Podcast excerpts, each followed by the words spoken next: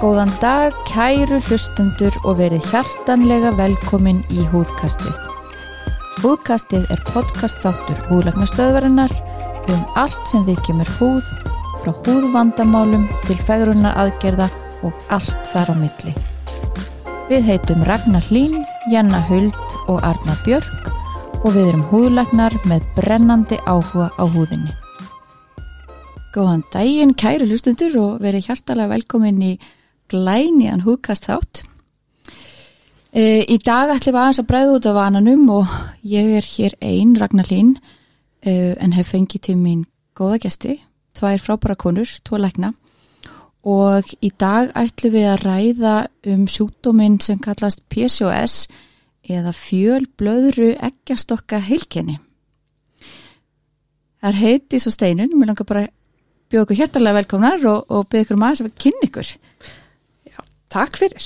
Já, ég heiti Heitis Valgerstóttir og ég er kvennsutóm og fæðingalæknir og er starfandi núna bæði í fæðingatemi landsbytalands Já. og í mæðravendinni í helsugæslinni í Reykjavík. Ummitt. Og þú ert einmitt búin að rannsaka PCOS, Einmitt. er það ekki? Sérstaklega PCOS í tengslu við meðgöngu. Jú, Nákvæmlega, við komum kannski aðeins nánar inn þá á eftir. akkurat. Og Steinun, Já, ég heiti Steinun Arðardóttir og ég er innkýrslalæknir, sérst sérsvengur innkýrslasjúkdómum og sykusíki og er að starfa á göngudild innkýrslasjúkdóma hjá landsbítalanum. Starfaði áður í Uppsala, sambarilegri dild. nákvæmlega. Og við þekkjumst allar frá Einmitt. Uppsala, við lærðum á sama stað Já, Já, í sérnáminu. Svona skemmtileg mjög. Heyrðu, mér langaði að byrja því að hérna áður við förum svona uh, gaumgæfilega on, ofan í þennan sjúkdóm. Við ætlum sérst að fara svolítið í gegnum einkenni og greiningu og meðferðir að hérna velta hans fyrir okkur nafninu.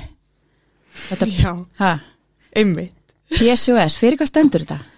Uh, Polycystic Ovary Syndrome stendur þetta fyrir sérst, heitið á ennsku og þetta er svolítið villandi nafn, Já, myndi ég segja.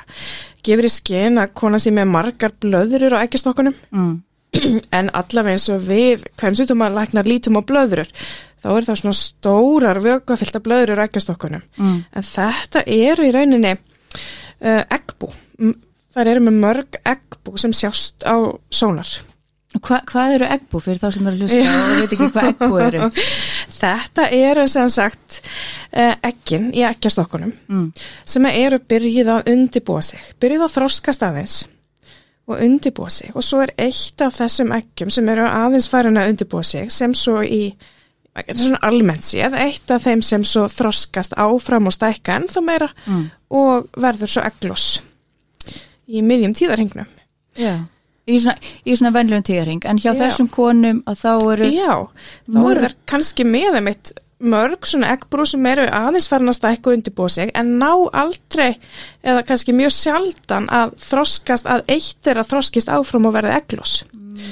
Og það gerða að verkum að já, tíðarhingurinn hjá þeim er oft uh, lengri. Mm, sumar fara nánast aldrei á blæðingar. Þannig að það getur verið. Og það er þetta þessi óreglulega þetta óreglulega blæðingamynstur hjá þeim yfirleitt þá út af þessum óreglulegu eglósum eða eglósum sem ekki verða akkurat. mm. En notið þið ekki nafnið PCOS við ykkar konur eða hvað gerir þið? jú, það er náttúrulega nafni sem er líka gefið út í svona greiningar kerfunum okkar. Já. Og þetta er öruglega eins og margt í læknisfræði svona svolítið sögulegt fyrst þegar var verið að byrja óma þá sást þetta. Mm og þá kannski gæt maður ekki greint nógu vel á milli hvað væri þá leiti þetta út eins og blöður frekar. Svo bara með meiri þekkingu og meiri rannsóknum og þá náttúrulega sjá menn betur hvað þetta er. En nafnið hefur einhvern veginn fest við þetta.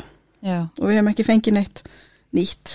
Nei, sem lýsir þessu betra. Þú er heyrti eitthvað Steinu en já, í mínum svona kreðsum hefur um, hvernig maður myndi þýða það á íslensku er svona einhvers konar efnaskipta og ófrósemis helkenni mm, sem lýsir í rauninni sjúkdörnum betur. Já. Já, af því þetta er í rauninni efnaskipta vandamálið í þessu. Fyrir utan ófrásemina er bara eins og við uh, kannust við hjá öðrum sem eru þá með efnaskipta villu. Einmitt, Er- einmitt. getur verið ofþing, tæðsíkusíki fytulifur, hárblóðsikur þannig að þetta er alveg að sama og er í því og svo bætist við einkenni en svo bætist ófrásemin og blæðingatröflaninnar við einmitt, einmitt þetta er nefnilega svo óþjólt þetta íslenska nafn eins og, eins og mörg svona sjúkdómanöfn á íslensku ha. einmitt. heyrðu, þetta er sjúkdómur sem er nokkuð algengur hvað, eina hverjum tíu konum um það Já, talið vera, já. svona svolítið mismönd eftir rannsóknum en, en, en, en eina hverjum tíu er frekar algengt Já, það er það. Um, það er kannski ekkit allar með sérstaklega mikinn sjúkdóm. Þetta er svo óbúslega fjölbreytt. mm. Meðan að sömar eru með kannski öll einkennin en aðrar smávægilega stækkun eða á eggbúin einmitt. og svo allt þar á milli. Einmitt, og það, sem, það er það sem við ætlum aðeins að fara nánar út í en af því þetta er svo fjölbreyttu sjúkdómur að, þá, þá kemur hann inn á borð hjá svo mörgum þið eru að sjá svo konur, ég er að sjá svo konur heimilislæknar Einmitt. og, og sumar konur eru komna með greiningu aðra konur eru algjörlega ógreindar og koma kannski út af einhver allt öðru og svo kemur þetta í ljós Hva, Já. Hvað er þú að sjá steinun svona helst? Um, ég er oftast að sjá þær sem eru komnar með þessa greiningu og eru með þá ímis vandamál tengst því, tengt því, Og er þá, ví, hormóna vandamál. og er þá vísa frá hvernig yfir til þín eða Já, bæði frá kvennsútumalæknum, frá heimilislæknum. mm. Stundum hittum við þær ekki fyrir en þær eru komnar í meðgöngu og eru þá komið með kannski vandamál á meðgöngunni eins og síkusíki. Einmitt, Það er bara rosalega misjamt. já. Stundum hittum við konur sem eru komnar í rauninni í tíðakvörf Já, og við hittum þær ekkert fyrir en þær koma til okkar kannski með erfiða síkusíki en þá hafa þær þessa sögu í, í Einmitt. bakgrunninum Já. En þær kannski fengu aldrei greiningu eða sérstaklega meðferði aðstóð á þeim tíma. En svona í baksinni speklinum kannski. Já, en í baksinni speklinum sér maður að þetta hefur verið Já. vandamálið. akkurat, allan tímann. Akkurat. Og þú sem kvensutumalæknir heitis, að þá er þetta kannski meira inn á ykkar borði, Já, ekki satt? sennilega. Jú, einmitt. Ég hugsa steinun fái svona sennilega þær sem eru með erfiðara form til Já. sín. Einmitt. Já, en við erum meira að fá kannski þær sem eru, þær sem er spurningum með þetta eða þær eru að koma vegna blæðingatröflana Mm. eða blæðingastopps. Eða jafnvel það er að reyna að vera ófrískar og, og, og ekkert gengur. Akkurat. Það er kannski bara fyrsta einkennið. eða Það hvað? getur verið, al- algjörlega, það getur verið fyrsta. Einmitt, Og hérna, og stundum uppgötist þetta fyrir tilviljun. Mm. Það eru að koma í skoðun út af einhverju öðrum að sér útlitið á ekkjastokkunum og fer svo að spurja um nánari sögu að þá Nákvæmlega, nákvæmlega. getur maður sett greininguna, PCOS. Já, Og það er saman með okkur húsutumalækna, við náttúrulega fáum þessu konur inn okkar borð og, og, og það eru, það eru kannski að leita út af bóluvandamáli eða það eru konar með e, skeggvöxt eða farnar að missa hárið og sumar eru alveg með greininguna en, en, en sumar eru ógreindar og þá vísum við áfram kannski í, í hérna frekari e, greiningar. einmitt. En hérna, um, ef við förum að þessi gegnum svona þessi greiningaskilmerki, af því það, það skiptir alltaf máli og hefur kannski verið á, á hérna, hvað ég segja, svona uh, sett, sett svolítið mismunandi merki gegnum tíðina, ekki satt? Jú, akkurat. Og, og svona hvað er miða við? Já, Og, einmitt. og margir sem að, hérna, kannski þekkja eitthvað til sjúkdómsins vita að um, uh, það eru óreglulega blæðingar, ekki Það er eitt af, Það, það er eitt af engjununum. einkennunum. Hva, hvað eru fleiri enginni? Jú, Svo er það einkenni um sem við köllum á okkar máli hyperandrogenisma Mm. eða sem sagt merki um hækkuð kallkynshormón í líkamannum, Akkurat. androgenhormón eins og við tölum um það Mm -hmm. Og uh, það getur þá annarkvort verið að konan hafi klínisk einkenni um það aukin svona grófan dökkan hárvöxt á líkamannum mm. uh, eða miklar svona svæsi bóluvandamál Mm. þær sem þið eru þá vantalega að sjá. Og það getur verið líka hár, á, svona hárlós til dæmis á höfði. Mm getur verið út af þessu svo getur það verið eitthvað sem maður mælir í blóðpröfum hjá þeim. Að maður sjáur hennilega að þær eru með hækkuð kalkishormona oftast er þetta testosterón sem er eh, þá mælast hækkað. Einmitt, einmitt. Og svo er þriðja einkennið það er þetta það sem við köllum fjölblöðru útlit og ekkjastokkunum þessi mörgu eggbú þessi sést á þeirra er ómað. Já og það venjuleg er að gera ómskoðunum laugöng þannig getum við síða ekkjastokkuna best. Mm. já, en, en hérna um, að því ég, ég sagt, við settum út á Instagram hjá okkur fyrir þáttinn og, og gáfum konum tækifæri að spurja og ég með nokkar spurningar sem ég ætla kannski að fara svolítið í gegnum með ykkur og eftir. Já. en eina af þessu spurningum var einmitt hérna eh, verðum að hafa öll enginin góð spurning. Nei, miða við þær, þau greiningaskilmerki sem við erum að miða við í dag þá þurfa konur að hafa tvö af Mm. þeir þessum þremur. Einmitt. Uh, og þetta hefur pínleiti breysti gegnum tíðuna áður var miða við þar yrða að vera með um, óregla blæðingar og hækkuð androgen eða hækkuð sérst kalkishormón já, einmitt. En núna er ekki skilir að þau tvö séu uppfyllt, það, það geta uppfyllt annarkvort af þessum og svo þetta dæmi gerð útlit og ekki stokkunum einmitt. Þannig að fleiri fá í rauninni greiningun í dag. Um, með við fyrir skilmerki og getur maður verið með sjúkdóminn án þess að sjáist nokkuð ómskoðun Já, maður getur það nefnilega. það er, nef- það er nefnilega algengum miskilingur er það ekki? Jú, En það er kannski frekar óalgengara eða hvað? ég held að fari líka bara svolítið eftir kannski aldrei konunar því að þessum eggbúm þeim, fæ, þeim fækkar með aldrinum Mm.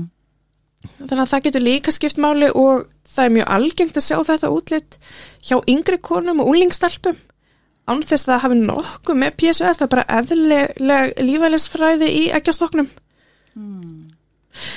En hérna já þannig að ég held að þess vegna þarf þetta ekki að til staðar alls ekki, en maður sér þetta hjá mjög mörgum Þannig að, þannig að ef, Og bara- ef við já. skilir rétt að þá, þá getur maður líka verið með blöðrurækjastokkunum sem þarf ekkit endilega þýða og sért með þennan sjúkdóm. algjörlega, algjörlega Það var líka einu spurningun sem Já. við fengum að því, því konur eru stundum að fá þetta það eru farið til kvænsvindum að lækna og það sjást einhverja blöður, kannski tilfallandi en, en þá hafa þær ágjur að það geti verið með þennan sjúkdóm Já, en þarna megum við heldur ekki ruggla sko, það sem að við kollum blöður og eggjastoknum er einmitt ekki þetta PSUS-útlit. Nei, einmitt einmitt. Blaður og eggjastokk er það algengasta orsakið fyrir blöður og eggjastokk er að kona sérst fær egglós, en þar sem að eggið losnaði úr eggbúinu sapnast vökvi og þetta getur orðið stórt, kannski 3, 4, 5 cm stórt mm vökafyllt eggbú og valdið verkjum hjá koninni, þetta getur opnast eða sprungið og komið vöku í kvíðarhólið og valdið mjög miklum verkjum Einmitt, ef það gerist, en þetta hefur ekkert með PSOS að gera. einmitt, einmitt. Heldur er bara eðlileg lífælisfræði í svonum eggjastoknum. Já, gott að hafa það á hreinu Og svo eru til það sem við kollum blöðrum og eggjastoknum. Eh, þetta er algengasta ástæðan en svo geta verið aðrar blöðrur, eh, slímfylltar blöðrur og svoleiðis mm, sem áfram er ekkert skilt PSOS. Einmitt, einmitt En hins vegar tölum við um PSOS útlit þegar við sjáum þessu mörgu eggbú. Það er aukin fjöldi af eggbúum sem eru aðeins byrja að stækka en ekki undirbúa sig fyrir egglós, ekki svo stór. Og e- er þá miða við eitthvað ákveðin fjölda teljiði Já, Eða- þá skönnum við gegnum allan eggjastokkin mm, og erum að miða við að þessi eggbú sem við erum að tala um séu 2-9 mm stærð. mm Þau eru ekki pínulítil, þau eru ekki samt orðin stór en eitt sem við kallum systu. -hmm. Uh, 29 mm stærð og skönnum í gegnum allan eggjastokkin og teljum og þá er miða við í dag að maður sé 20 eða fleiri í öðrum hverjum eggjastoknum. Já, ok, það er nú svolítið mikið, er það Þa, ekki? það er tölvert mikið, jú, það Ok, er það. En við ok. sjáum þetta alveg sem bara eðligan hlut hjá sérstaklega yngri konum. Þannig getum að þá verið með tíu og þá uppfyllur ekki skilir Já, ekki skilurinn fyrir þessu PSUS útlutu eggjastoknum. Nei, einmitt, einmitt En ef þú uppfyllir hinn tvö greiningaskilmerkin getur þú samt fengið greininguna. Einmitt, þú búslar þessu saman í, í, í, í heila mynd Einmitt. En hérna nú uh, nú erum við búin að ræða þessi svona aðalengjani á PCOS og, og hérna það er rosalega mikið af fylgjikvillum eða svona fylgi sjúkdómum sem er minna rættum hvað segir þú um það steinun? Já, og það er þá helst kannski þegar við hittum þar konur sem að eru þá oft með fullt hús af þessum greiningaskilmerkjum. Mm. Þar eru með töluverð hákallkinshormón, þar eru með blæðingatrublanir og jafnvel þessi, þessi útlit á eggjastokkunum uh, og svona sem með tímanum verist svo sapnast á þá meiri efnaskipta vandamál. Mm. Þessu fylgir oft uh, tilneying til að þingjast frekar. Mm og eins og með bara yfirþyngd af öðrum orsökum að uh, þá verður brenglun á blóðsökus efnaskiptunum, jafnvel sykusíki, hárblóðþristingur, um, svapnast fyrir fita í livrinni, mm. um, kæfisvefn. Um, það er líka lístað í þessum hópi sem er náttúrulega mjög stór og mjög breytilegur, er viðrestur aukin hætta á þunglindi og kvíða. allir það sé ekki svolítið vangreint Ég hugsa þessi hætt á Hugsa því. svona bara eins og í mörgum sjúkdómum Já. Og svo sem sagt, sérstaklega þeim sem hefur tilneyingu til þess að vera þingjast mikið og þá er líka hægt á ádraskunum. einmitt, einmitt og því þekki það örgla bara og ég að maður, maður fólk, eða læknari eru oft svolítið svona fókuseraðir á það sem maður er verið að skoða en, en við meðum ekki gleyma öllu hinu Allri heildarmyndin. allir heilta myndinni Einmitt. sem að hérna, skiptir svo miklu máli í staðan fyrir bara einblín á kannski einhverja blóðpröfur eða þessi engjani en, en hugsa svolítið um, um, um allt hitt Og það getur náttúrulega líka verið auki álag ef að eru að glíma við ofþyngd og blæðingatrublanir, kannski reyna að verða ófrísk, mm. um, bólur, aukin hárvöxt í andliti, þetta er náttúrulega rosalega mikið álag, mismikið eftir einstaklingnum sem, er að, sem lendir í því en þetta getur náttúrulega líka und, ít, ít það undir kvíða vandamál og þetta er svona, verður svolítið vítarhingur stundum, Já. það sem er kannski erfitt að meta nákvæmlega hvað hva kom fyrst. Já, einmitt einmitt og það er að taka á svo svolítið heildrænt en hérna um, þannig að, að í grunninn þá, þá, þá eru konur með PSOS í aukinni áhættu á þessum sjúkdómum sem þú nefndi steinun Mm -hmm. eins og hjarta og og, og, kæfisvefn og, og verið yfirþyngd um, e, eru þegar þú hittir þessar konur á, á ganguteild landsbyttalans, e, skannar þú svolítið fyrir þessum þáttum líka Við gerum það alltaf þegar við hittum einhvern sem er að koma vegna nýrar sykusíki. mm. Þá gerum við það nú alltaf og oftast tökum við blóðpröfum hjá okkur þegar við koma fyrst. Uh, fyrir svolítið eftir aðal kvörtuninni en þá tökum við svolítið svona breyðar pröfur eins og við segjum til þess að skanna yfir og þá útiloka aðrar orsakir Mm uh, fyrir þá hárvextinum eða, eða þingdaraukningunni eða hvað það er sem að þeir eru að koma yfir. að því nú er þetta náttúrulega fyrst og verið konur á basegnaraldri eða, eða engangu konur á basegnaraldri og hérna og maður er kannski ekki að hugsa e, um konur á þessum aldri að þær geti verið með mikið hjarta og æðarsúkdómum Nei, en það kemur kannski setna, en það er eins og segir oft þegar við erum að hitta konur sem eru komnar yfir meðan aldur og við lítum svona í baksílins speilin og þetta hefur verið vandamál hjá þeim kannski alla tíð Mm. og þá eru þar komnar með sykusíki og kannski aðra sjúkdóma sem að þarf að vera að meðhendla. En uh, það er sjaldnar sem við sjáum ungar konur á frjósumisaldri sem eru komnar með þessa þessa kvilla og þessa fylgikvilla. einmitt, En það er hins vegar eru meiri hættu á því að fá sykusíki á meðgöngu. Og þá hittum við þar út af, út af því. út af því. en er það þá sjúkdómurinn sjálfur eða er það meira kannski að þær eru oft í, í meiri yfirþyngd? Sko eins og til dæmis skert sigurþól. mm. Það sem kannski er ekki endilega komin eiginlega sigursíkis greining að það er, það sést alveg líka á þeim sem eru í eðlilega þyngd.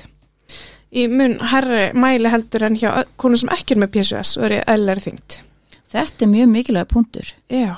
að því maður er, maður er kannski meira að tengja meðgöngu sikursíki hjá konum sem eru í mikilvæg yfirþyngd Mm en, en, en það sem þú ert að segja sérst að þá PCOS konur sem eru í eðlir þyngd að þær eru í aukinni áhættu á meðgöngu sikursíki Já, og líka bara, þó það sé ekki óléttar, að bara á Og líka skertu það, já. sigurþóli, almennt. Einmitt, og það er eitthvað sem við, bæði kvennsutumulæknar og heimilislæknar, þurfum að hafa í huga þegar við erum að vinna þeir upp akkurat og jáfnvel að setja greiningun og hafa þetta í huga og aðtóa hjá konunum. einmitt, þetta, er- þetta er góða punktur Heyrðu, eigum við að hérna við að hætta okkur í, í hérna að reyna að útskýra af hverju PSOS stafar Ha? á mannamáli þar að segja Já, þetta er líklega flókið samspil erða og umhverfis Já, Já, einföldu máli. einföldu máli. svona eins og allir sjúkdómar eiginlega Já, akkurat. Nákvæmlega. En hvað hérna, Það, er- það er ekki vitað. það er ekki vitað Nei. Nei. Ekki hvað veldur Það nákvæmlega. er, við sjáum ákveðnar hormonabreitingar í blóði, við skildum taka, taka pröfur fyrir, fyrir öllum þessum hormonum, Mhm. en við vitum ekki hvað, hvað þetta byrjar. mm. Byrjar þetta í eggjastokkunum og skilabóðin þaðan, brenglast eitthvað aðeins á leiðinni upp til heiladingulsins, en heiladingullin er eiginlega svona eins og verkstjóri Mm. fyrir alla kirtla í líkamannum, eða er einhver smá bílun í hugbúnaðinum í heiladinglinum sem að sendir skilabóðin niður í eggjastokkin. Við vitum það ekki. Við vitum það ekki Nei. Og svo er þetta bara ringur sem byrjar bara vita ringur. Akkurat En er þetta hérna er þetta eh, sest, er þið að sjá þetta í ættum er þetta mjög erðatengt Þetta er, ekki, ég myndi ekki segja mjög erðatengt, en þetta klárlega liggur í ættum.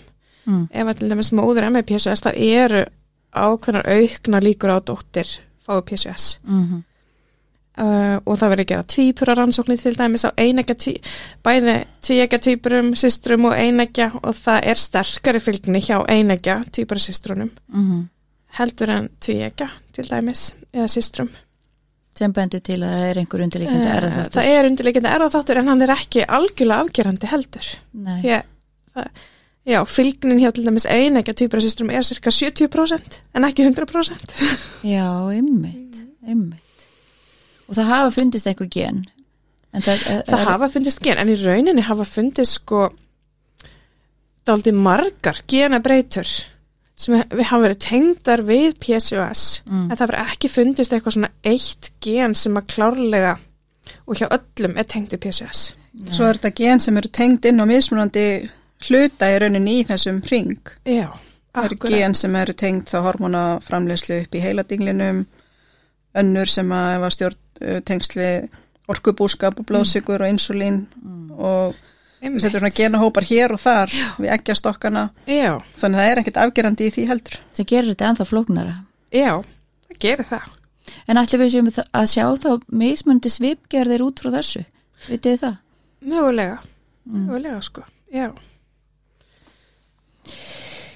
Heyrðu, hérna, uh, já, við erum búin að ræða að þetta er svo satt brenglun í hormonastarfsemi sem er kannski svona einföldu máli og það er oframleysla á kalkishormonum og það er kannski það sem er að valda mestu engjónunum, ekki satt?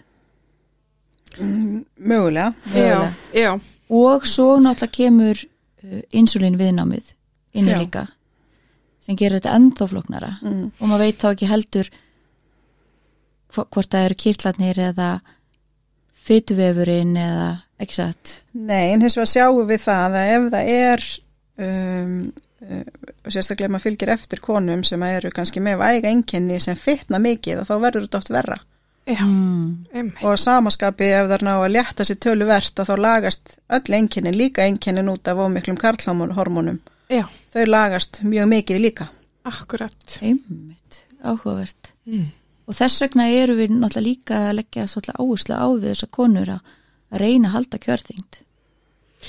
Já, eins og hægt er þó að sé erfitt, ég veit það en, en, en það er svona Það getur að bara getur gert virkilega verri og, og, og Jú, verri og, Það sé maður ef að konun á að létta sig þó það sé ekkit gríðarlega mikið. Að þá oft kemst til dæmis regla á eglúsin mm, getur hjálpað þeim akkurat, að vera þungar sjálfkrafa. Já, einmitt. En það er oft hægara sagt en gert.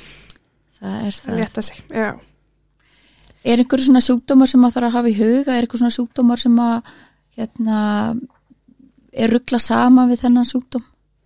Er svona ef, ef, ef fólk er að hugsa hérna gæti ég verið með PCOS en, en svo reynist það kannski vera með einhvers konar annars, annars konar hormonabrenglanir eða það eru aðri sjúkdómar sem geta valdi háum kalkinshormónum hjá Mm. konum um, en við erum nú oftast reykar fljóta að finna út úr því bara með því að gera réttu mælingarnar hvað það er taka, bara, taka blóðpröfur þá Já, já. og lá- líka kannski svolítið eftir hvað einhverja mynd konunnar koma með. Mm. Einmitt. Og sama með eins og óreglulega blæðingar. Að það var mitt. Geta verið aðri sjúkdómar að valda því líka. akkurat, það er náttúrulega alls konar orsaki fyrir því Já, akkurat. Ein spurning sem við fengum á Instagraminu var hérna er reynda voru tveir eða þrý sem spurði sömu spurninganar um, hvort að uh, þetta sé að greinast á kynþróskaaldri þess að hjá, hjá ungum stelpum og, og hérna og hvort að þær ættu þá að leita að, sér aðstofar snemma. Sem er mjög, mjög góð spurning. Er, þetta er rosalega góð spurning en svarið við henni er ekki alveg einfalt. Nei, En ég held að við ættum að fara mjög varlega að setja þessa greiningu og snemma. mm, Því að maður þá lendir maður alveg örglíði á ofgreina já. vegna þess að ímislegt sem er bara eðlilega enginn á kynþróska aldrei mm, geta verið svipuð PCS enginum eins og það að vera með óregla blæðingar. Það komið sjaldan og uh, Getur og það ekki alveg verið Er- jafnvel einhver ár Jú, eftir að fyrstu blæðingar árin byrja? eftir að blæðinga byrja er það bara eðlilegt. Akkurat, og ekkert til þess að hafa áhyggjur af. Tekur tíma fyrir þess að reglu að komast á og já, akkurat. Sama með eins og mikil bóluvandamál þetta getur líka verið bara eðlileg hluti af úlingsárunum algjörlega, og hor þeim hormonabreitingu sem er að eiga sér staði líkamannum nákvæmlega. Uh, og eins og við vorum búin að nefna að þetta fjölblöðuru útlit og eggjastokkunum það er líka algengt hjá úlingum mm. þannig að við getum verið í raunin að tekja öll bóksin án þess að það sé í rauninni rétt að maður sé að greina PSOS uh, ég held að maður er frekar að þú ert með úlingstelpu með þessi einkenni og hún vil fá hjálp við sínum einkennum. Mm. uh, að miða við einkennameðferð. Akkurat, akkurat. Um, og geima það að setja PSOS-greiningu Já, og það er það frekar hægt að meta það síðar eftir tvítugt eitthvað svo lest þegar komið meira jafnvægi á hormónastarsemina. einmitt, einmitt. Ég held að, að fólk sé svolítið að velta þessu fyrir sér sko. Já. Hérna um, margir velta fyrir sér uh, hvort það sé hægt að uh, bara fara í eina blóðpröfu og greina þetta Ekki eina kannski, við erum að taka nokkuð glös. já, Eh, Ég held að það sé líka svolítið varasamt, ég minna við erum ekki vera að taka blóðpröfur af öllum sem eru með eitthvað smávegis af bólum eða og sérstaklega ekki úlingstelpunum að því að, að við ekki vera stemplaðar með eitthvað sjúkdóm sem þær eru ekki með.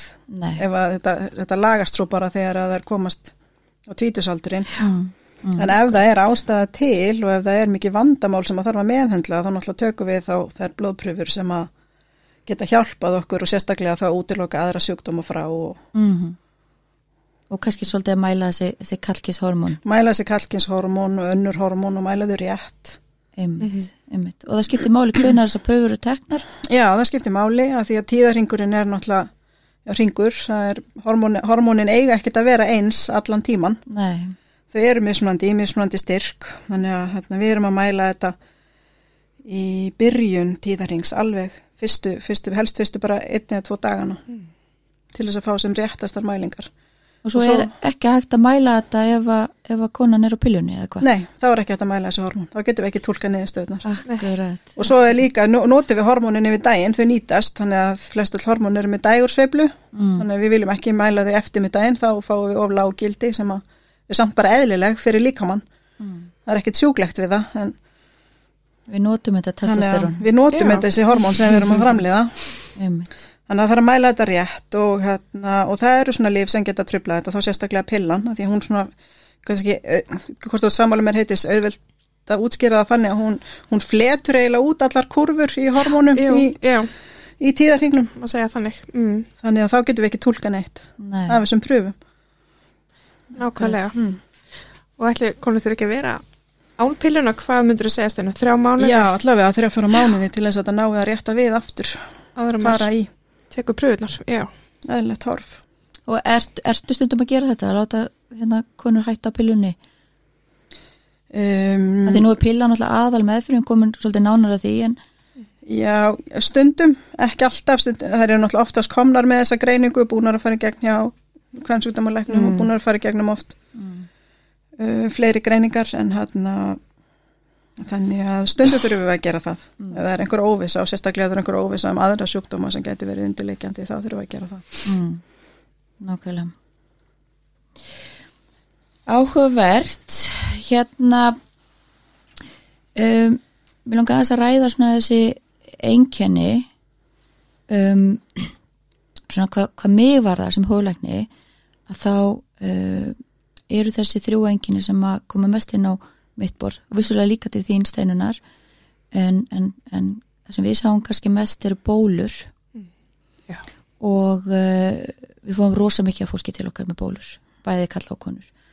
Og, og það sem kannski ringir viðvunabjöldum hjá okkur eru þetta eru oft uh, eldri konur eða sérst yfir oft 25 ára aldur það oft komnar yfir þetta kynþróska hormóna óreglu skeið og, og hérna eru ennþá með viðvarandi bólur og, og bólurnar hafa kannski fæst svolítið frá því að vera svona klassiskar térsvæðis bólur yfir í, í svona neðra andlit og, og hérna kjálkasvæði haka, háls er svona klassist hérna, veitir hvað ég er að meina? Mhm.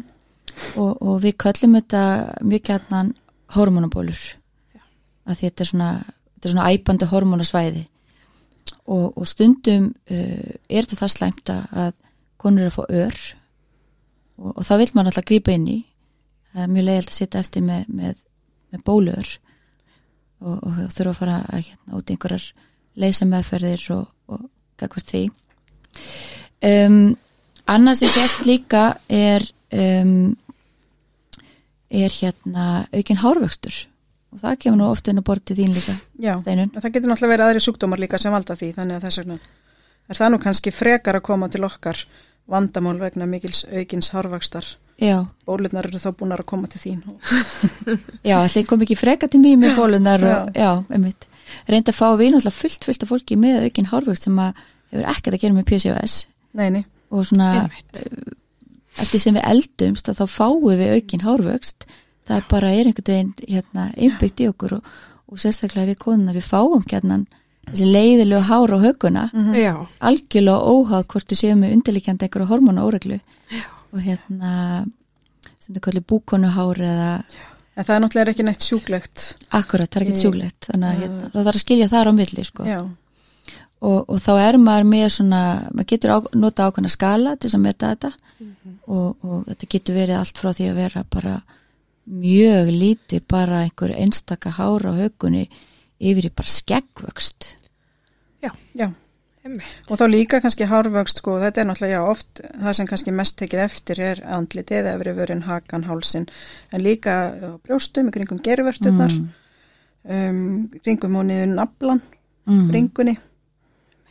Að- nákvæmlega, sportröndin Já, bakinu, einmitt. Já, þetta getur verið bara á, á ótrúlustu stöðum og, og, og þetta er svolítið svona kallkins dreifing Mm. það það sem lýsir þessu þetta er svona það sem að kallmenn er að fá þessi svona grófu dökku hár Akkurat.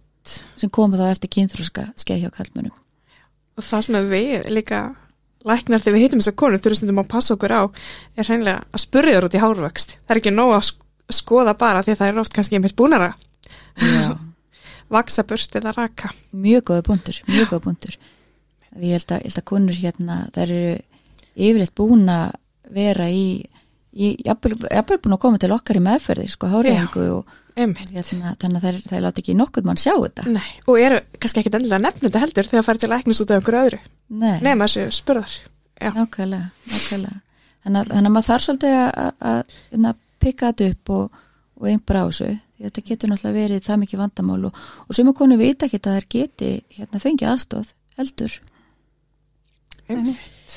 Heyrðu, svo er hérna hinn eh, þátturinn á, á hárvandamálum hjá pjessjóskonum er, er hérna að það er ekki nóg með að þær fá aukin hárvöxt á vissum stöðum og þá, þá geta þær mist hári líka sem getur verið mjög kvinnlegt og, og hérna við köllum, köllum þetta androgen allopekju á læknamáli eða svona kallkins hártap. Já. svona skallamyndun eiginlega. Já. og, og ég myndi segja að þetta væri kannski ekki e, jafn algengt á hinn enginin, Það heldur þetta teljast nú vera mjög sjálfgeft. Já, yfir heldina litið. yfir heldin að meira um bólurnar og, og, og aukin hárvöxt. En, en vissulega kemur þetta fyrir. Og, og hérna og við fáum mikið af fólki líka með e, skallavandamál, bæði konur og kalla þannig að þá þá maður líka fara svolítið að segja út hvort það geti verið eitthvað svona undirleikjandi sem er alls ekkit alltaf ástæðan og, og kannski minni hlutanum Mhm. uh, oftast missir fólk hár uh, á kvirli uh, út af erðum Já. lang, lang oftast. Bæði konur og kalla náttúrulega, þannig og það gleymist oft með konurnar að, að það geta hérna, byrja að missa hári tiltrúlega snemma og það er engungu bara erfir það er ekkert, ekkert undirlíkjandi en hérna og þetta getur verið alveg allt frá því að vera eitthvað svona smá hártap yfir bara, bara nánast skalla. Já. sem að hefur náttúrulega gríðarlega áhrif á, á konur. Eh, að því hárið er svo, oft svo stór hérna, hluta sjálfsmynd okkar. Já, þannig að hérna, þetta getur haft mikil svona kvíða kvíðavandamál í för með sér um, ef við tölum aðeins um ófrjósemi heitis Já. að því ég veit að hérna margir tenga PCOS við ófrjósemi og eins og við sögðum í byrjun þáttarins að þá jafnvel kannski kemur þessi sjúkdómar ekkert eins og í ljós fyrir að konur ætla sér að reyna eitthvað spann og, og það bara gengur ekki neitt. Hva- Akkurat. hvað hérna, þú veist, þegar að Og það helsta orsökin ef, ef maður ætlar að geta rakið það til sko sjálfs PCOS, þetta getur verið einhver aðrir þættir líka sem spila inni mm -hmm. og náttúrulega alltaf að skoða hverju tilviki fyrir sig en þá er það yfirlegt ef þetta maður til PCOS þessi óreglulegu eglós einmitt eins og útskýrir í byrjun Já, að það verður langt á milli eglós þar get ekki reikna út hvernig þau verða uh, og sumar ég að fá ekki eglós yfir höfuð mm.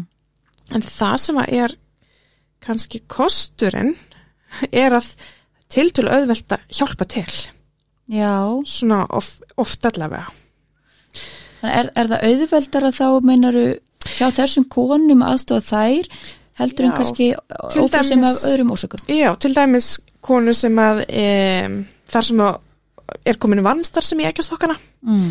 að Það eru konum með allt og fá eggbú e, og mjög lághormón. Mm. E, um, já, þá getur verið mjög erfiðar að hjálpa þeim.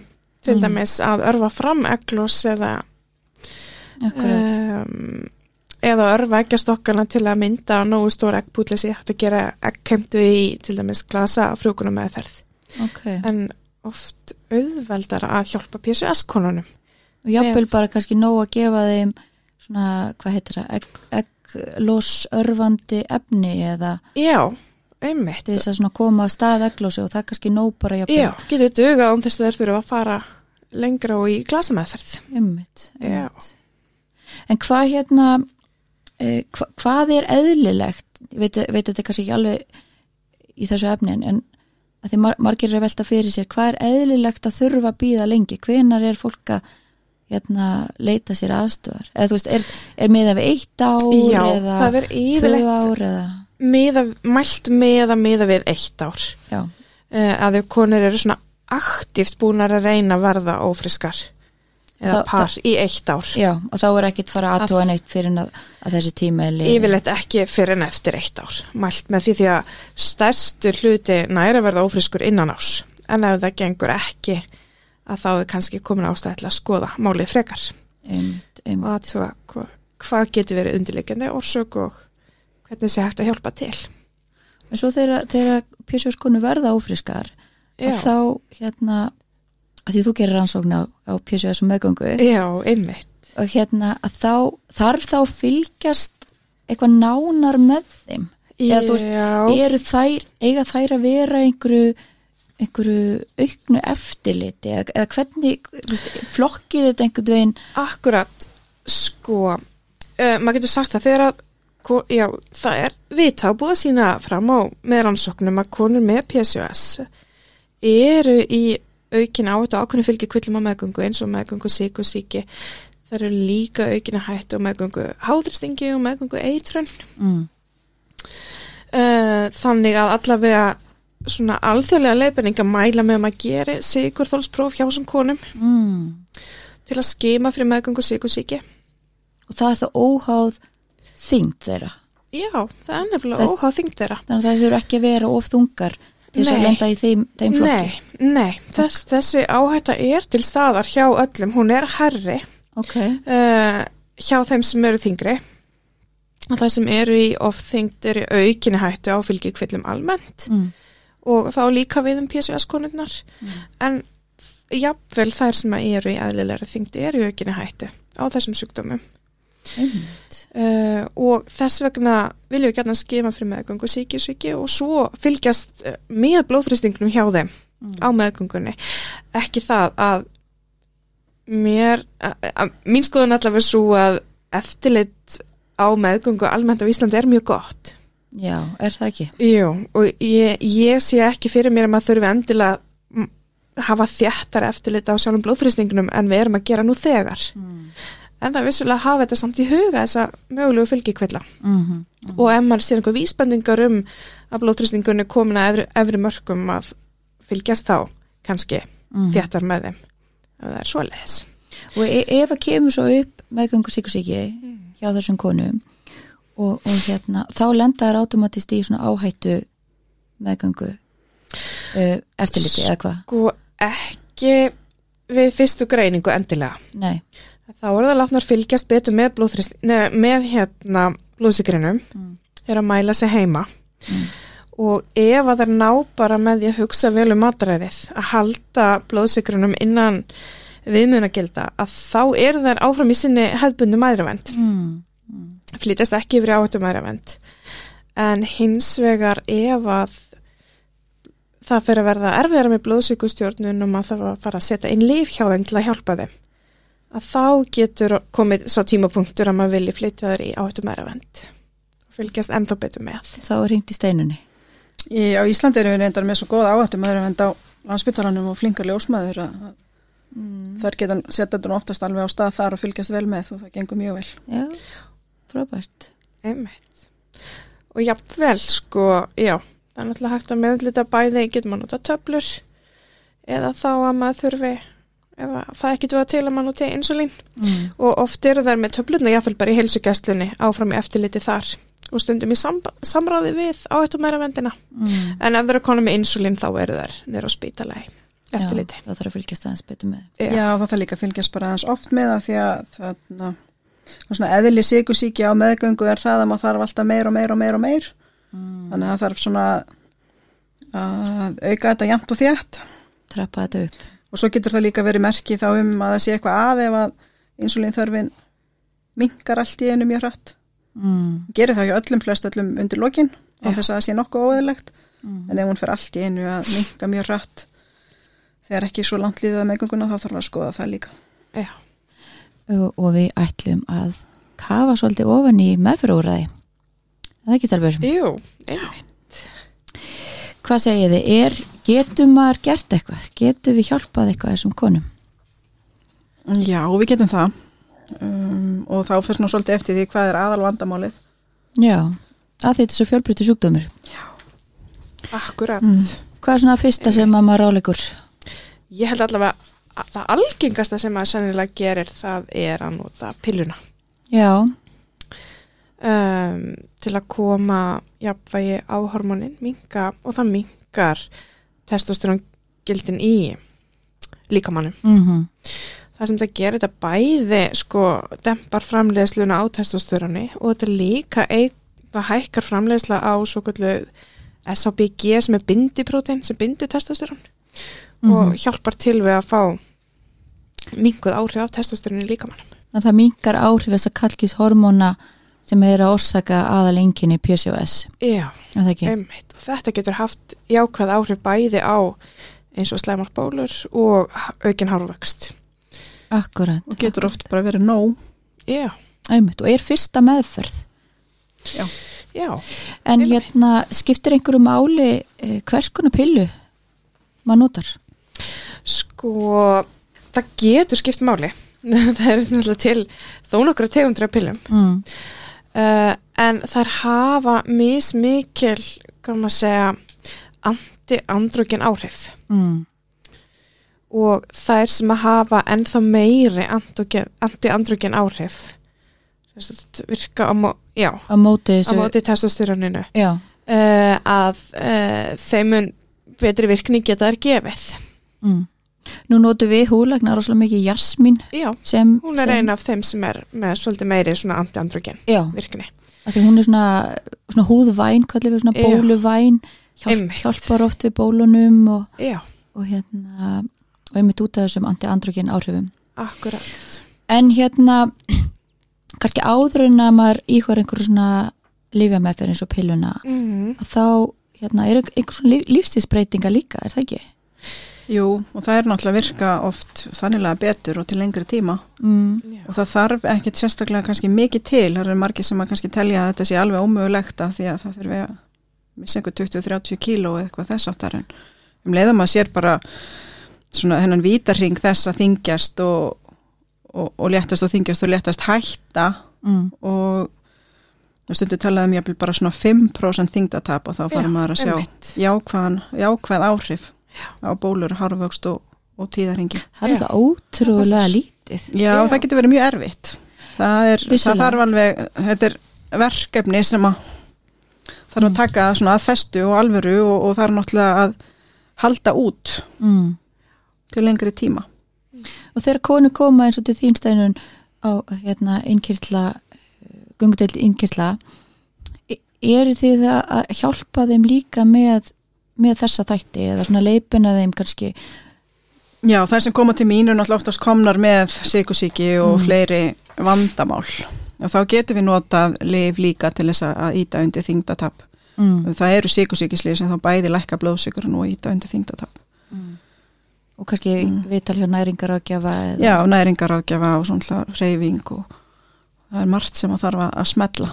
akkurat, akkurat og það er nefnilega þetta sem að kannski maður þarf svolítið að leggja áslá að, að hérna e, töflur er ekkit endilega lausn við öllu. Nei, Nei, að, að hérna og sérstaklega ef maður hugsa að byrja að snemma, það maður vill ekki vera að setja ungar konur og frósemisaldri á öll þessi lif, nei, af því að þau hafa öll mörg kannski mjög góða verkun en þau hafa líka aukaverkanir.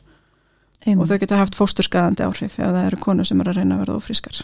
akkurat, akkurat og bara þetta við að kannski léttast eins og við segið um bara 5% þó það geti vissilega verið erfitt. En þá getur maður fengið áhrif á öll þessi enginni Já. og hef ég heyrt líka að hérna, eins og sagðir áðan hérna, heitis að jafnvel koma á stað hérna eglósi já, einmitt. Það passar. En hérna hvað uh, að því þú nefndir uh, svona anti-androgen lifsteinun eða svona lif sem að hamla hvað við segja uh, ofmiklum kalkishormónum í líkamannum og þetta eru nokkuð lif sem, að, sem að við höfum í huga og eru, eru notuð um, hva, hvaða, hvaða lif er þetta? Það er svona almennt talað um að maður geti reynt þessi lif ef að háreiðinga meðferð hefur ekki duga til. Mm. Ef þetta kemur aftur eftir að, að konur eru búin að reyna kannski háreiðinga meðferð með leysir eða og, um, og það er líka mælt með því að það sé búið að reyna þá að vera á pillunni að minnstakosti sex mánuði. Þannig þetta er aldrei fyrsta meðferð. Aldrei fyrsta lif. Þetta er, Þetta er aldrei- alltaf lif ofan á pilluna og þegar búið er að reyna aðrar meðferðir. mm, mm. Þetta eru lif þá sem að bæla testosteronið, þetta eru lif sem að eru framleitt upphaflega fyrir kallmenn, oftast í tengslu við uh, blöðrárskirtis krabba minn einmitt til þess að lekka testosteron og Þetta eru náttúrulega ekki lif sem eru framleitt fyrir konur. þetta er ekki lif sem eru framleitt í þessum tilgangi og það er í rauninni uh, allar meðferðar leiðbenningar við PCOS eru, er einkenna meðferð sem er tekin einhvers þar annars þar frá. Mm. En að þú nefndir háreinguna, að því það kemur svolítið inn á mitt svið, vandamöli sem við erum að sjá hjá þessum konum er að þær eru ekki að svara kannski alveg nógu vel. Eins og bara konur sem koma út að bara auknu hárvandamáli. Þannig að þær eru ofta að þurfa, þær, þær þurfa í fyrsta lagi náttúrulega að koma mikið oftar, það er að koma fleiri skipti í háreingu Já. og svo þurfa þær viðhalsmeðferð. Já, og það er kannski þær Já. konur sem við þá að fara að hugsa hvort við getum hjálpað með þessum anti-androgen meðferðum. En Einmitt. ekki áður en að það er búið að reyna það, því það eru margar sem að fá mjög góða hjálp með hárreiðingar meðferðum, Já. án þess að þurfa að vera á þessum livjum.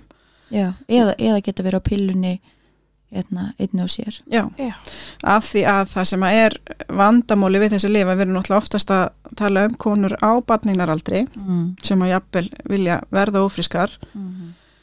og þetta er öll þessi and, andrögin lif, þau hafa til dæmis mjög slæm áhrif þá á kalkins fóstur, þau eru skadaleg Já, þau eru algjörlega bönnuð á meðgöngu Já, það er að forðast þið algjörlega. það má ekki, bara ekki liða dagur eða vika Einmitt. á meðgöngun á þessum lifjum þannig að maður vill ekki vera með ungar konur á þessum lifjum Nei. lengi.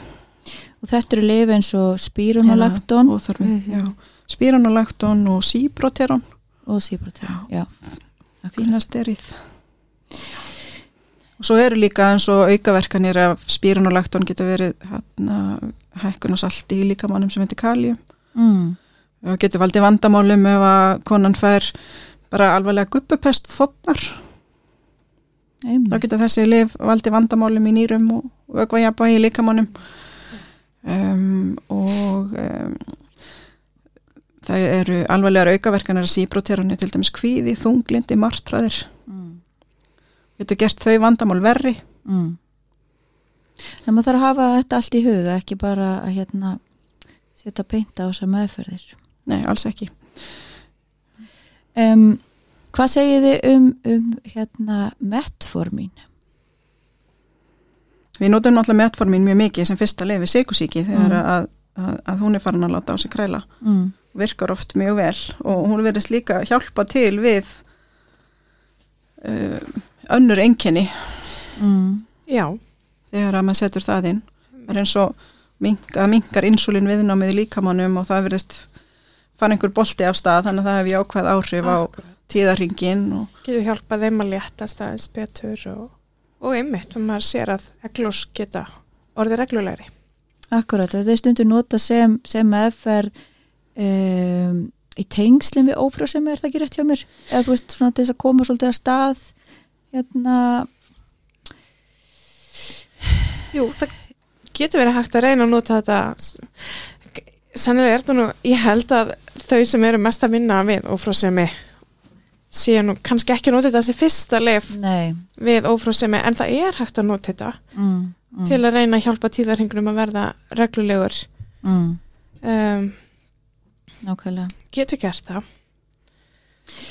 Og svo, og svo, jú, svo hafa ég líka aðeins notað þetta veit ég við þegar hefur verið, verið að gera hérna glasafrjókunum meðferðir og konur eru í sagt, örfun og ægjastokkunum einmitt það það sem ég var að hérna, og ef þeir um. eru í hættu á oförfun Já, þá er já. stundum nota metformin hjá PCS konum til að minka hættun á oförfun svo verður ekki ómikið eglósi eða já, það verða ekki of mörg eggbú sem að já, þroskast þroskast þar sem eru svo gerð uh, tekin egg við eggheimtu einmitt, einmitt Já. Sko við erum búin að ræða sér sagt þessar svona kannski sérhæðari meðferðir eins og, eins og pilluna sem er uh, fyrsta meðferð. Mm Vi, við erum sammála um það. Pilluna Já, er svona já. fyrsta meðferð við Já, PCOS ef maður, ef maður grípur til lifja meðferðar ef maður grípur til lifi meðferðar fyrir utan náttúrulega bara þessar, þetta almenna sem sagt að, að reyna að viðhalda kjörþyngd og, og reyfa sig og, og borða rétt því það hjálpar, hjálpar okkur öllum saman hvort maður sé með sjúkdómi eða ekki Einmitt. og svo getur maður farið náttúrulega út í einhverju svona sérhæðari meðferði eins og, eins og við tölum um háreðinguna mm og, og hérna um, og þar uh, er hérna það er ákveðin svona skiliði sem þarf að uppfylla. Það er ekki allar konur sem geta komið til okkar í háreðingu uh, maður verður að vera með dökkhár eða einhvern lit í hárunum alveg ljóshár uh, það gengur því miður ekki að, að, hérna, að taka þau með háreðingu að því leysigeslinn hans sagt beinist að litrefni í hárinu og, og, og, og leiðir þannig orkuna niður í, í hársekjunu, eigðir, eigðir hársekjum þannig. Þannig að, að hérna, stundum bara gengur það enga veginn. En þá er til krem sem hægt er að nota sem að uh, þið hafa heyrt um sem heitir Vangia sem er hægt að skrifa út Já. og fá, fá á lífseli og er, og er tiltöla hérna, einfalt í notkun. En maður þarf að nota það á hverjum degi og helst tvisar á dag til þess að virki og það hemur sem sagt eða hægir á hárvexti. Og þetta eru örgulega grein sem þú skrifar tölvist út líka já, já, já. Gallin við það er að það hættir að virka þegar þú hættir að nota það. Já, Nákvæmlega, svo lengi sem hún, virk, lengi sem hún notar það, þá, þá virkar það. Og, og þetta getur verið mjög gott fyrir konur sem eru með mikið að ljósum hárum. Mm -hmm. þannig að hérna, og eitthvað sem við, við, við notum mikið og, og jafnvel með háreðingu hérna, háreðinga leysefnum þá getur maður fengið svolítið svona tvöfalda virkni. já, um, en, en hérna uh, síðan er það bólunar og það er kannski svona orðið aðeins sérhæðara en, en hérna konur sem eru með hormóntengda bólur og, og, og, og þá undirleikandi PCOS að þær svara átt bólum með fyrir tölvist verð heldur en, en bara úlingar með bólur eða, eða bólur af, af öðrum orsökum. Og þannig að við erum að sjá svona kannski erfiðari meðhundlun og, og jafnvel þegar við setjum um sterkar lífa með fyrir eins og dekutan að þá er um, e, er það að fá samt bólutna tilbaka. Þannig að hérna e, og þess vegna kannski er maður svolítið í, í þessu að hugsa svona heildrænt. Ekki bara meðhundla bólunar heldur líka að hugsa út frá veist, allir í sjúkdómsmyndinni veist, um reyfinguna og létta sig og, og, og pilluna ef það er hægt ef það er ekki að hugsa um badnegnir. Þannig að hérna þá, þá hjálpar það um, varðandi hárlós hefur kannski skoðun á því steinun, mm, það er bara mjög erfiðara. það er Það mjög er mjög erfitt að reyna að stoppa það. afskaplega, Mm. Fátt sem, fátt sem virkar. fótt sem virkar en samt sem að við viljum nefna þú veist, þessar, þessar meðferði sem við höfum nefnt pillan og, og, og stundum þessar anti-andróki meðferðið, það geta vissulega stemt stiguvöllum sem einkinum en maður þarf þá uppfylla þessi skilið að vera kandidat í þessar meðferðir. Mm -hmm. og, og hárlósið er uh, erfitt að því leiti að hérna, það er kannski ekki til nokkuð meðferð sem virka á þetta.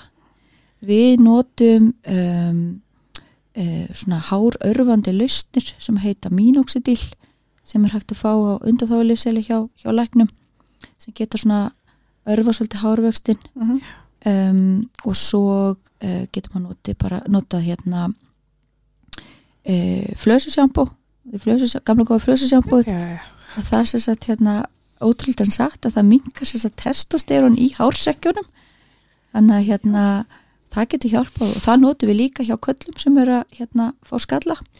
Alltaf við notum mínófstir rosalega mikið hjá köllum. Það er, þetta er náttúrulega markasett fyrir kallkins skalla. Já, en, já. en hérna við notum þetta fyrir konu líka þá svona það sem við köllum off-label eða sérst, án ábendingar Mm. um, og svo þetta bara svona almenna þú veist það alltaf að meðhundla þess að fylgjikvilla eins og ef, ef maður er komið sík og síki eða, eða hérna er með kvíða eða þunglindi eða og eitthvað sem við Já. þurfum kannski svolítið sem læknar að taka okkur á í að, pikka frekar upp, einmitt. er ekki samla Alveg sammála því. Þetta er hérna, þetta er flókinsjúkdómur Mm -hmm. og það þarf að huga mörgum þáttum. Og hérna e, það þarf að einstakling snýða meðferðir. Sama meðferð hendar ekki hverjum að einum. Einmitt. og eftir bara þörfum hvers og eins hvar viðkomandi kona er stött í sínu lífi og með sínu enginni og hvort hún allra eignast börn eða ekki. Algjörlega. þannig að hérna e, við hvetjum konur sem að eru með þessi enginni eða e, eru ógreindar að leita til sérfræðinga til þess að tóa hvort að hérna getur verið með undirlegjandi PCOS og, og fengi aðstöð Einmitt. Og eitt sem við sem ekki, ekki nefnda en þá er það að eh, konur sem fara mjög sjaldan á blæðingur og er ekki með eglós. Mjög sjaldan þá getur slímhúðin í leginu þyknað. mm. mjög mikið það getur maður þurft að hugsa út í til dæmis getur pillan hjálpað þar að það verði ekki ofik slímu og svo getur fyrir að blæða frá henni. Og það er svona miklar og langdregna blæðingar en ekki eðlilega tíðablæðingar eins og verða veglós tryggarast í ganga veglósum og og hérna get, getur mögulega orðið aukinn krabbamishætta í legslímhúðinni ef hún fær að vaksa og reitt og aldrei blæða út mjög góða punktur. Og það er eitthvað sem pillan getur hjálpa til með með því að taka pillun og það verður ekki þessi óvöxtur í legslímhúðinni. Akkurát og stundum þurfum að framkalla blæðingar ef, ef konuna vilja ekki vera á pillunni en eru samt ekki að fá blæðingar nema kannski mjög sjaldan. Nákvæmlega, nákvæmlega. Það er einu meðferð. Heyrðu, við erum búin að fara um viðvöld í dag. Ég, ég þakka gestunum eh, uh, kella fyrir komuna og ég vonaði að hafið lært eitthvað á þessu. Já og hérna um, já, takk fyrir í dag. Takk fyrir, takk fyrir að leiða okkur að koma. Gaman.